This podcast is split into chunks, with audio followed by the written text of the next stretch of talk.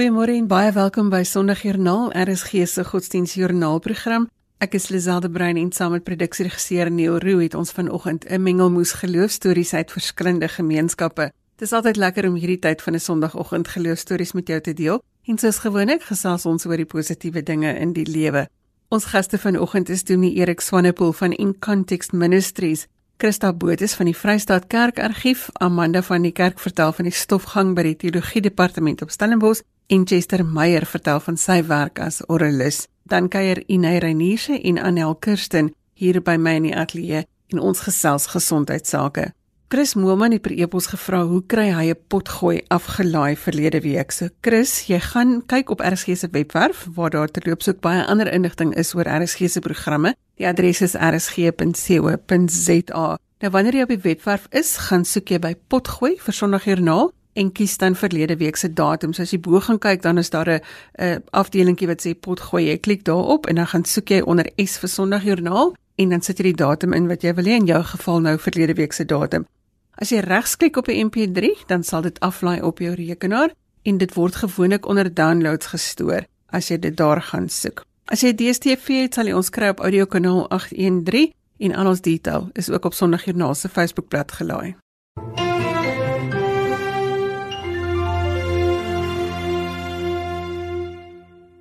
Demi Erik Swanepoel was lank in 'n gewone gemeente in Suid-Afrika, maar deesdae maak hy die wêreld sy woning en hy deel vanoggend 'n stukkie van sy hart en sy werk met ons. Goeiemôre Erik. Môre Lisel, dis lekker om hier te wees en môre aan die luisteraars.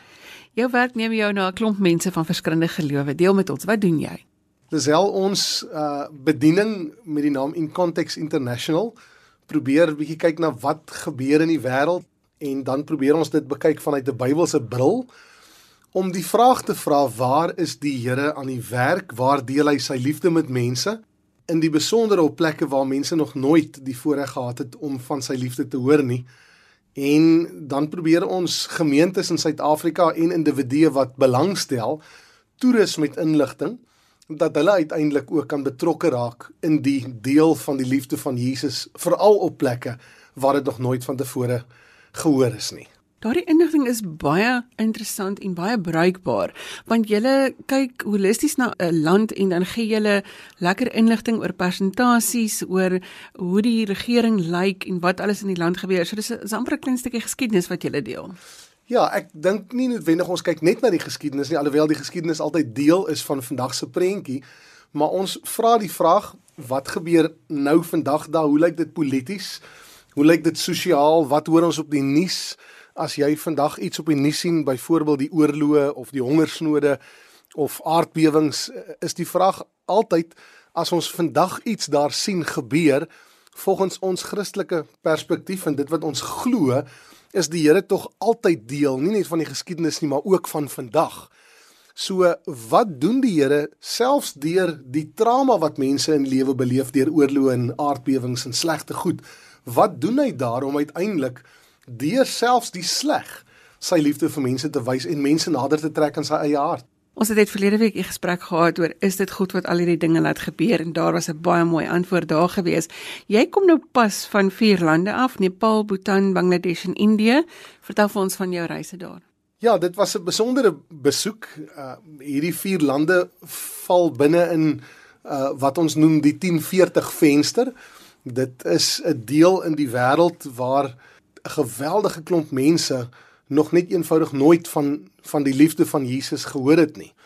En die rede hoekom ons die lande besoek het was uiteindelik om te gaan kyk wat doen Jesus daar en in hoe mate kan ons die inligting wat ons daar sien en beleef terugbring Suid-Afrika toe om met ander gemeentes en groepe te deel om te sê raak saam met ons opgewonde maar nie net opgewonde nie raak ook deel van die hande en voete om die liefde van Jesus net verder te deel dat mense kan hoor van van hoe lief hy regtig mense het selfs spesifiek die wat nog nie gehoor het nie.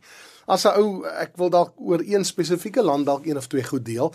Indië is baie interessant uh as 'n ou dit vergelyk met Suid-Afrika, die statistiek sê dat in Suid-Afrika 75% van alle mense in Suid-Afrika is mense wat Christene is. In Indië sê die statistiek dat minder as 2% Christene is. Ons sit met 97% van die land is Hindus en net meer as 9% van Indië is uh moslim en dan minder as 2% is Christene. En as ons na hierdie lande toe gaan, is die vraag altyd hoe kan ons die plaaslike Christene daar ondersteun en hulle hande vat sodat hulle die liefde wat Jesus vir die plaaslike mense het, hoe kan hulle dit ook verder uitdeel en vir mense wys? Jy het baie goed gesien. India is eintlik 'n land van groot armoede, maar is ook 'n land van ongelooflike kleur en energie wat vir jou 'n warmte gee. Ja. Ja, dit was nogal opvallend. Oral waar jy gaan as jy in die Arabiese wêreld gaan, is alles vaal en so half kleurloos, my perspektief nou maar. En as jy in Indië instap, dan is dit hierdie geweldige kleure en dis kleurryk.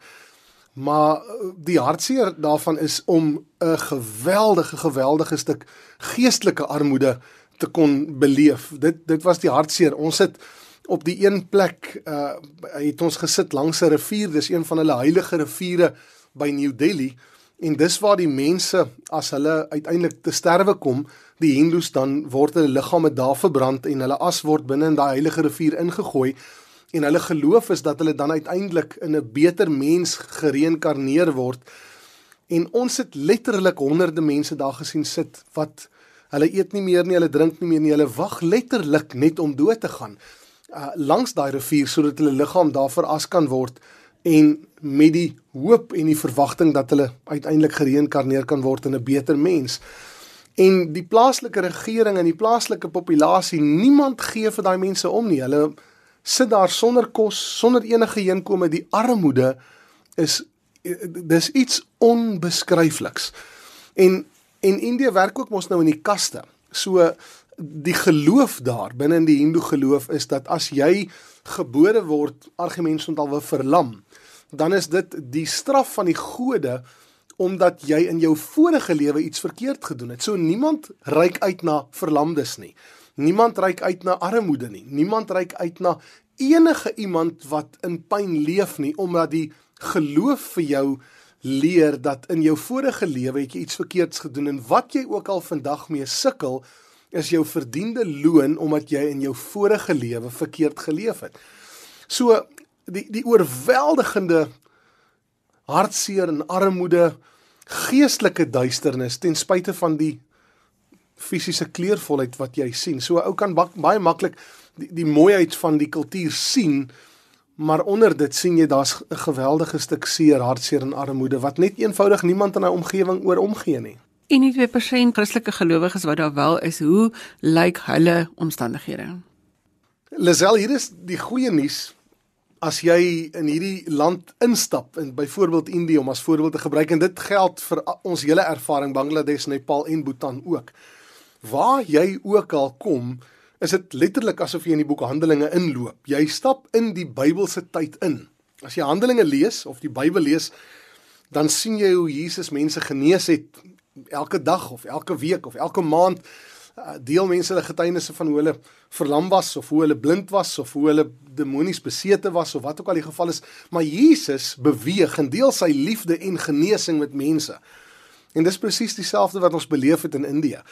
In Bhutan, Bangladesh en Nepal, as jy by 'n gemeente, 'n plaaslike gemeente instap, dan sal daar mense wees wat sê ek het vir seker 30 jaar gesukkel met een of ander tipe siekte. Ons het byvoorbeeld die storie gehoor van iemand wat verlam was vir 20 jaar. En hulle het by elke mediese dokter gaan raad vra. Hulle het by elke priester in daai plaaslike geloof gaan raad vra. Hulle het by soveel toordokters gaan raad vra of gurus gaan raad vra en niemand kon die genesing gee nie. En die goeie nuus is dan deel daai persoon met 'n glimlag, "Erns het iemand vir my van Jesus vertel." En die desperaatheid het hulle net gedryf dat hulle by hierdie Jesus moet uitkom. En en dan het hulle by 'n kerk gekom, iemand het vir vir hulle gebid en dan het hulle of in sommige gevalle onmiddellik genees geword of baie kere die genesing gebeur oor 'n paar dae. Maar wat niemand anders of geen ander geloof kon doen, het Jesus kom doen. Hy het sy liefde met hulle gedeel. En dan glimlag daai persoon aan die ander kant van die tafel en hoe hy met ons deel, nou is ek gesond. Ek kan weer sien. In Suid-Afrika was my eie ervaring van my eie preke baie keer in die gemeentes. Wat het Jesus 2000 jaar terug gedoen? En my ervaring is net hy werk nie net 2000 jaar terug nie, hy is net so lewendig besig vandag om sy liefde met mense te deel soos 2000 jaar gelede. Hoe kan Christene of gelowiges in Suid-Afrika byvoorbeeld nou, kom ons sê hierdie gelowiges in Indië ondersteun? Ek dink ons onderskat baie keer die krag wat gebed het. Uh ek dink die eerste ding is dat ons nie die die die die Bybel leer vir ons dat die geveg nie teen vlees en bloed is nie. Daar's owerhede en bose magte in die lug. En die die kragtigste manier is om vir die Christene daar te bid. Ons het byvoorbeeld uh, vir die vir, van die mense gevra, "Hoe kan ons julle help?" En dan is die eerste gedagte in ons kop is hulle soek geld. Maar tot ons verbasing sê mense vir ons, "Asseblief moenie vergeet om vir ons te bid nie." Dan sal ek vra maar, "Oké, okay, as ons klaar gebid het, wat wil julle dan hê?" En dan sal die persoon weer sê, uh onthou asseblief om vir ons te bid as jy een keer gebid het, bid 'n tweede keer. Dan dink ek in my eie hart maar, maar jy soek seker ook geld. En dan sal gelowiges vir ons sê uh ons het julle gebede meer as enigiets anders nodig en dan vra ek, maar wat van geld? En dan sal die persone sê, wat help geld as ek vervolging in die gesig staar? So, ek dink ons onderskat baie keer die die druk waardeur Christene gaan onder vervolging En en uiteindelik al wat hulle nodig het, ja, hulle het geld nodig, hulle het nodig dat ons hulle besoek, maar die een ding is dat ons nie van hulle sal vergeet nie. Ons moet vir daai mense bid dat die Here hulle sal versterk, dat die Here hulle 'n krag en 'n ek wil die Engelse woord boldness sal gee uh om uh, uh om uit te gaan en ten spyte van die koste wat daaraan verbonde is om 'n Christen te wees en die verdrukking wat daarmee saamgaan dat die dat die manne sal sterk bly staan en die vroue sal sterk bly staan om te sê ongeag die prys ons verkondig Jesus. Dit is nou ook so Erik dat jy al hierdie stories kan gaan vertel by 'n gemeente as hulle jou wil nooi om om op te kom kan hoor hoe lyk ja. die omstandighede en hoe lyk die die mense in Indië. So kan hulle vir jou kontak om te Ja, Lisel, ons is gestasioneer in in Kaapstad. En ongeag waar in die land as mense meer wil weet eh, van wat doen die Here veral in lande waar mense grootliks of meestal nog nooit van Jesus gehoor het nie. Wat doen hy in die wêreld? Dan reis ons gratis na mense toe. Ons bedien gratis met inligting so hulle kan met die grootste liefde vir ons kontak en dit sal vir ons 'n voorreg wees om waar hulle ook al van dit te wil hoor, ons sal vir hulle gaan kuier. Dit maak my altyd opgewonde om te hoor hoe opgewonde jy is oor die werk wat jy doen. Baie dankie dat jy vanoggend saam met ons gekuier het. Baie dankie. Ek het gesels met Dominee Erik Swanepoel van In Context Ministries oor sy besoek aan Indië. En as jy vir Erik wil kontak, dan kan jy dit doen per e-pos by erik@incontextinternational.org. Ek gaan dit gou spel, dis E R I C by In Context context met 'n T E X T international.org of jy kan vir hom skakel by 082 319 5153 en hy sal graag kom deel by julle gemeente oor sy besoeke aan Indië. Daar is ook 'n webwerf en jy kan dit kry by incontextinternational.org as jy hulle wil kontak.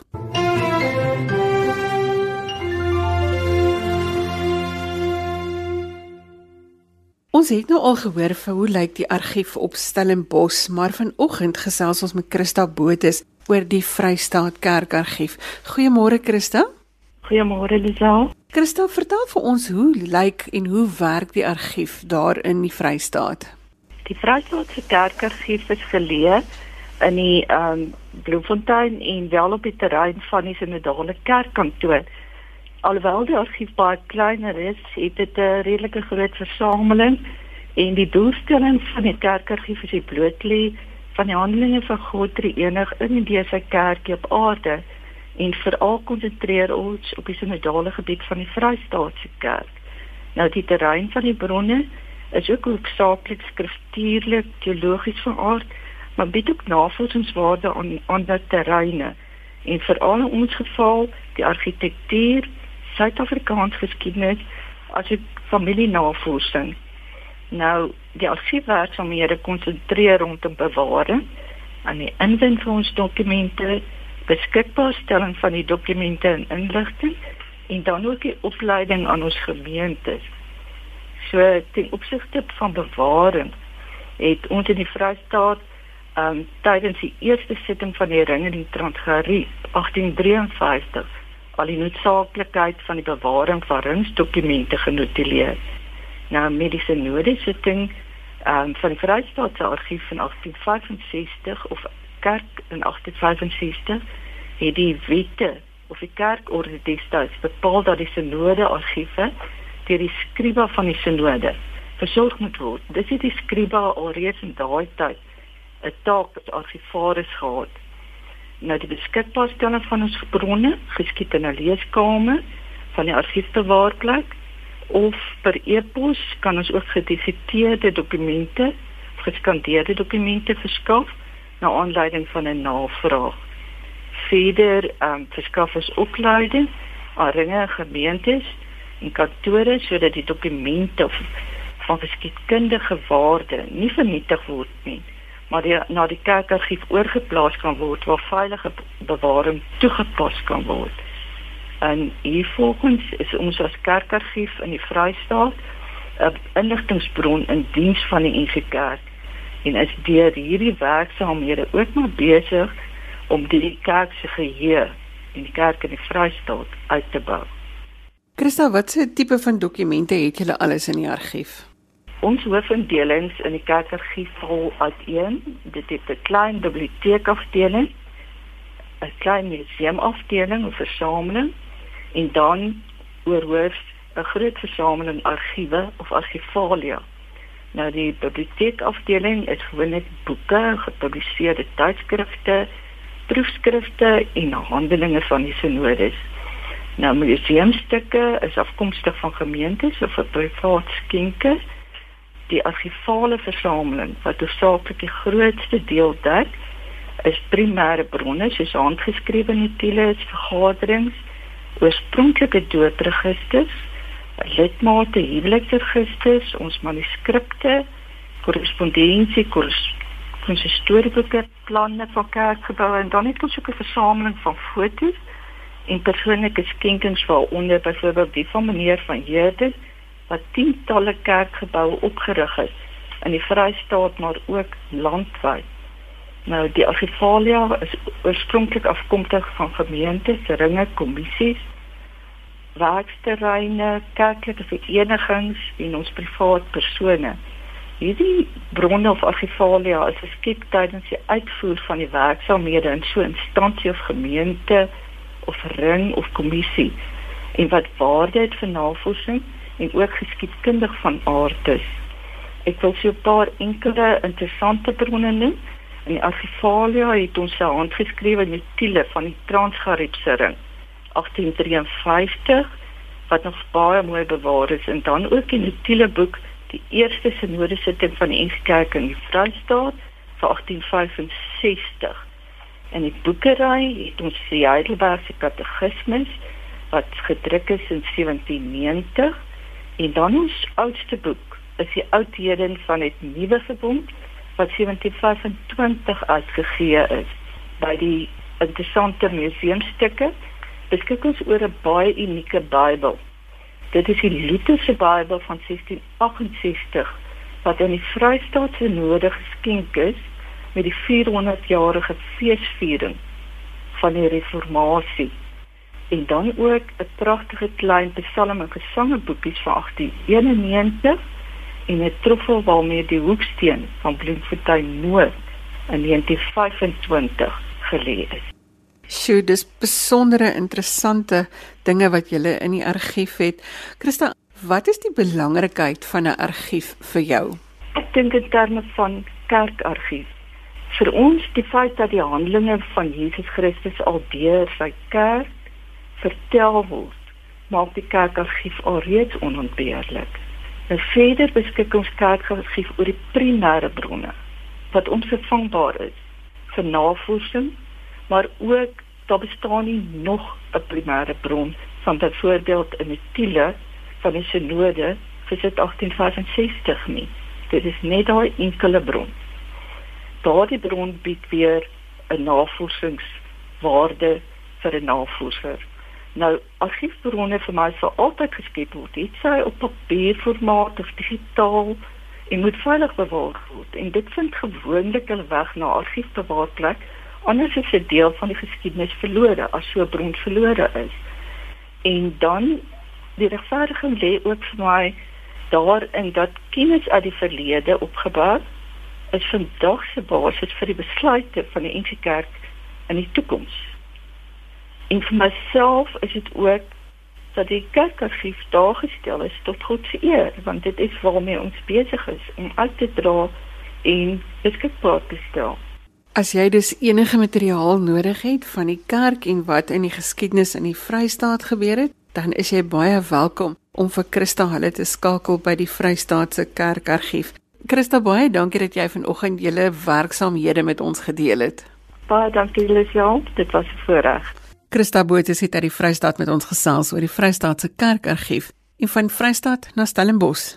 Amanda van die kerk is van die departement teologie op Stellenbosch en nou wat berig word is daar 'n gang wat nie afgestof word nie. Môre Amanda? Môre Lisel. Baie dankie vir die geleentheid om te gesels oor ons stofgang. Vertel vir ons van die stofgang want nou my ma het my altyd geleer 'n gang moet skoon wees. Wel hierdie een was vir baie jare nie skoon nie. Dit is eh, 'n uh, deurloopgang wat van die hoofingang van die kweekskool ingaan na die teologiese gebou toe, na ons toe by die by die kweekskool. En in die vroeë 80er jare was dit so dowwe stowwerige gang wat mense so vinnig holrig laat stap het. Ehm um, maar onlangs het ons hom opgegradeer en nou is dit 'n lieflike kuiergang waar die dosente en die stu studente en selfs professore kom rondsniffel in al die geskenkte boeke afkomstig natuurlik van predikante, dosente en professore wat en selfs ook die publiek. Die boeke word geskenk vir ons sodat ons dit vir die studente kan gratis beskikbaar stel. So dis nou 'n gang wat jy besluit het om te benut en jy het van boekrakke gegee en daar is 'n klomp boeke wat ongebruik was wat julle nou daar neersit en iemand kan kom en kom kyk of daar iets is wat hulle kan gebruik. Ja, ja, meestal word dit maar gebruik deur ons teologiese studente. Jy weet boeke is deesdae verskriklik duur en goeder soos kommentare en konkordansies kos duisende rande en baie min van ons studente kan dit bekostig om dit te koop alhoewel hulle dit nodig het in die bediening. En omdat dit dan nou vir ons geskenk word, is dit so fantasties. En kyk hulle ek hoor gereeld die woorde tannie is daar nuwe boeke? Dit is dis altyd lekker om iets te gee en jy weet dit word waardeer en gebruik. So hoe kry julle die boeke? Is is dit maar net mense wat by die teologie departement opdaag en sê julle kan dit gebruik. Weet jy meeste van ons boeke kom van afgetrede predikante professore en selfs die publiek wat dit vir ons skenk. Ons adverteer in die kerkbode en die Vrydagnuus En meeste mense sien dit maar daar en dan laat weet hulle ons. Ons natuurlik ook word of mouth vir mense wat vir mekaar vertel van dit. En dan bring hulle as hulle nou trek na 'n kleiner plekkie toe, dan sê ma boeke moet uit en dan bring hulle dit maar vir ons. Dis absoluut vir my so 'n interessante storie van hergebruik van dit wat op jou rak byvoorbeeld stof opgaar wat mens nou hier in hierdie stof gaan kan gaan los sodat iemand anders dit kan gebruik, maar jy het nie net boeke nie. Weet jy ons het ons het CD's wat mense vir ons skenk. Ons het boeke en dan het ons natuurlik ook uh die toga skenkings wat die mense doen. Predikante wat se togas nou nie meer gebruik word nie, wat hulle vir my skenk en ons maak hulle weer mooi en dan gaan dit vir vir die jong behoeftige VG Kerk predikante. En hoe sou mense nou te werk gaan as hulle nou as daar nou 'n boksboeke staan in die motorhuis of in die gang waaroor almal val om dit nou by julle uit te kry Amanda? Weet jy, hulle kan vir my kontak. Ons is hier in Stellenbosch. Ek is kamer 1009 en my telefoonnommer 021 808 9138. Kan hulle my kontak en dan bring hulle vir my en van daar af hanteer ek dit. Die studente, hoe gereeld maak hulle gebruik daarvan? Is is dit 'n ding wat algemeen bekend is? Dis algemeen bekend onder ons studente. Ehm um, daar is daagliks studente wat daai uh, boekrakke fynkom vir iets wat hulle kan gebruik en ons sê altyd ons verwelkom enige boeke en ons sal hulle met respek behandel en 'n liefdevolle huis vir hulle kry. Het jy nou al 'n boek raak geloop wat baie raar was of wat jy gedink het vir iemand iets sal kan beteken? Ons het al verskeie boeke gekry. Ons het boeke wat ons ehm um, veral die rare boeke wat ons eenkant hou wat deur dosente, professors en studente gebruik kan word Ons neem ook van die boeke wat baie rar is, neem ons op in die biblioteek wat ook daar dan natuurlik deur almal gebruik kan word. So alles gaan nie net gratis op die boek raak nie, dit word ook daar word ook van dit uitgehou. Vertel ons 'n bietjie van jou werk Amanda. Wat doen jy by die teologie departement? Hmm, ek is ontvangsdame en persoonlike assistent vir toerusting, vir die seminarium, vir navorsing en ek doen sommer allerlei goeders wat hulle wil hê ek moet doen, jy weet. So jy is eintlik die meisie om te ken by die teologie departement. probeer ja, probeer. Amanda, die rol wat geloof in jou lewe speel deel met ons. Weet jy vir my is die liewe Here alles wat ek het. En daar is absoluut niks wat ek het in die lewe wat nie deur hom gekom het nie. En ek glo elke dag gee hy vir my wat ek nodig het om my dag te doen. Net soos wat jy sorg dat elke student dalk 'n boek wat hy nodig het kan kry. Amanda, baie dankie dat jy vanoggend 'n stuk van jou leefwêreld met ons gedeel het. Vreeslik baie dankie vir die geleentheid. Jy kan vir Amanda kontak by kamer 1009 van die teologie departement op Stellenbosch of jy kan vir haar skakel by 021 808 9138 as jy boeke of 'n toga het om te skenk en jy sou ook 'n nuwe toga kon borg vir 'n student wat dit nie kan bekostig nie. Dis die ideale geleentheid om van jou ou boeke ontslae te raak wat vir iemand anders nuwe inspirasie kan gee. Chester Meyer is 'n oralis by die NG Gemeente Goodwood Park en ons gesels vanoggend met hom oor sy liefde vir musiek en sy orgelspel. Goeiemôre Chester. Môre Lisel. Waar kom jou belangstelling in orgel vandaan? Lisel, ek het as 10-jarige seentjie begin met klavierlesse in Kwilsberg en ehm um, op 12 en dan at 5 het my ma besluit ek moet die Sondagskool begelei op die Laurie Orgel daar in die Sendingkerk in Kwilsberg. En dit is die eerste keer wat ek met 'n orgel in aanraking gekom het. En maar op die stadium het ek nog nooit 'n pyporgel in my lewe gehoor nie die eerste keer so 'n pyporgel hoor was in standaard 8 toe ek saam met die koor in die NG Kerk op die dorp gaan sing het. En ek het onmiddellik verlief geraak op die klanke van die pyporgel. En raai wat speel die tannie? Dieselfde liedjie wat ek heel eerste keer op die orgel gespeel het, voorwaarts Christenstryders. En ehm um, daarna het ek begin ehm um, eers by my musiekjuffrou Kwalsberg het sy vir my gaan wys hoe lyk 'n pyporgel en toe het ek op universiteit met orgellesse begin en dit is die begin van my orgelloopbaan. Vertel vir ons van jou grootword jare op Kwalsberg. Uh eh, Lazel uh my ma het hierdie begeerte by my gesien van ehm um, dat ek graag klavier wou speel. En sy het verskriklik moeite gedoen om my begeerte waar te maak want dit was 'n onmoontlike saak. Daar was niemand wat klavierlesse gegee het in die woonbuurt nie. En ook het ons nie klavier by die huis gehad nie en sy het toe dorp toe gegaan en met 'n paar mense gaan praat maar niemand was bereid nie en toe het ons 'n skooldogter gekry in standaard 9 en sy begin vir ons les te gee en ek het elke middag gaan ehm um, klavier oefen in die kerksaal. En eers op hoërskool ehm um, het ons 'n klavier in die huis gekry. Hoe word jy toe orgelis, Chester? Lisel daar in Kwilsberg by die Sendingkerk het ek en standaard ag het die ehm um, orgelis bedank.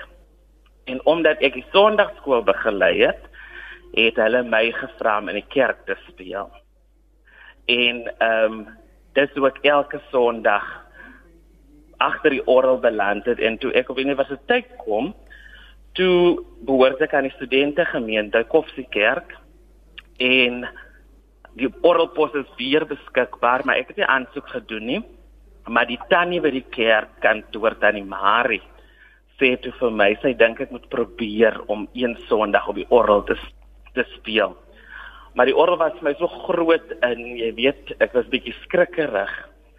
En ek het die Sondag die gemeente begelei en die volgende oggend het hulle gebel om my die pos aan te bied. En ehm um, daai 3 jaar as orgelis by Koffie Campus, ek dink dit het my regtig geskool in met die pyporgel om gemaklik te raak en op daai groot fantastiese Markusen orgel te speel. En ook met ehm um, improvisasies wat ek begin doen het op die orgel omdat die studente nou nie noodwendig wil luister na Bach en Frank nie, moes ek ehm um, maar goedjies doen eh, wat wat hulle interesseer en om die orgel relevant te hou vir die studente.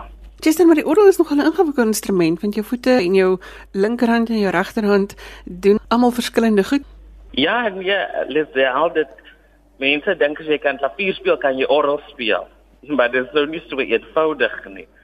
Want uh, jy kan wel seker op die maniale speel, maar ehm um, die voete moet nog bykom en om die orgel te lees die linkerhand, die regterhand en dan is daar nog 'n reël vir die voetnote.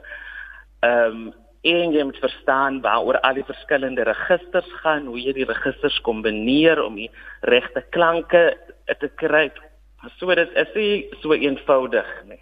As jy nou op 'n Sondagoggend daar by die NG Goodwood gemeente gaan speel, wat gebeur in jou hart as jy voor daai orgel gaan sit? Lisel na 20 jaar as orgelis. Ehm um, is ek elke Sondag nog steeds bietjie op my sene wees. Ehm uh, my ouma sê sy het gebid die dag van my doop dat die Here my 'n Samuel sal maak, dat ek in sy huis sal werksaam wees. En dan herinner ek myself ek is Samuel en ek kom doen diens. Ek is weet ek moet diensbaar kom wees in die huis van die Here. En as ek begin speel dan al die sene weer weg en ek is in my element. En ek geniet elke oomblik. En die lekkerste vir my is as die gemeente saam sing en ek kan hoor hulle geniet dit. En dit alles tot eer en tot lof van die Here. Dit is vir my 'n hoogtepunt elke sonderdag Ek hoor by Dominee Fani jy huiwer ook nie om die gemeente aan te spreek as hulle nie lekker saam sing nie. ja, nee, wel. Ek is nou nie 'n uh, konvensionele orgelis nie. Ek praat gereeld met die gemeente. As dit bietjie swaar gaan dan sal ek nie skroom om om te draai en te sê aan nee, broers en susters, wat gaan dan vanmôre met julle aan? Of om hulle te vra wie sing ons nou vandag nie vir Boeddha of vir die lewende Here? Sing. As jy kan dink aan die toekoms, wat is 'n positiewe boodskap wat ons ver oggend vir Suid-Afrika kan gee?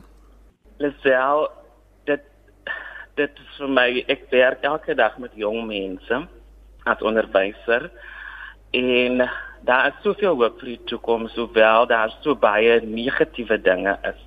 Maar veral vir musiek is dit vir my so noodsaaklik dat mense die geleenthede sal kry om te probeer en ek was bevoorreg en begenadig dat ek 'n geleentheid gekry het om hierdie verskeie talent te ontdek en dat dit ontwikkel is en dat daar soveel mense op my pad was.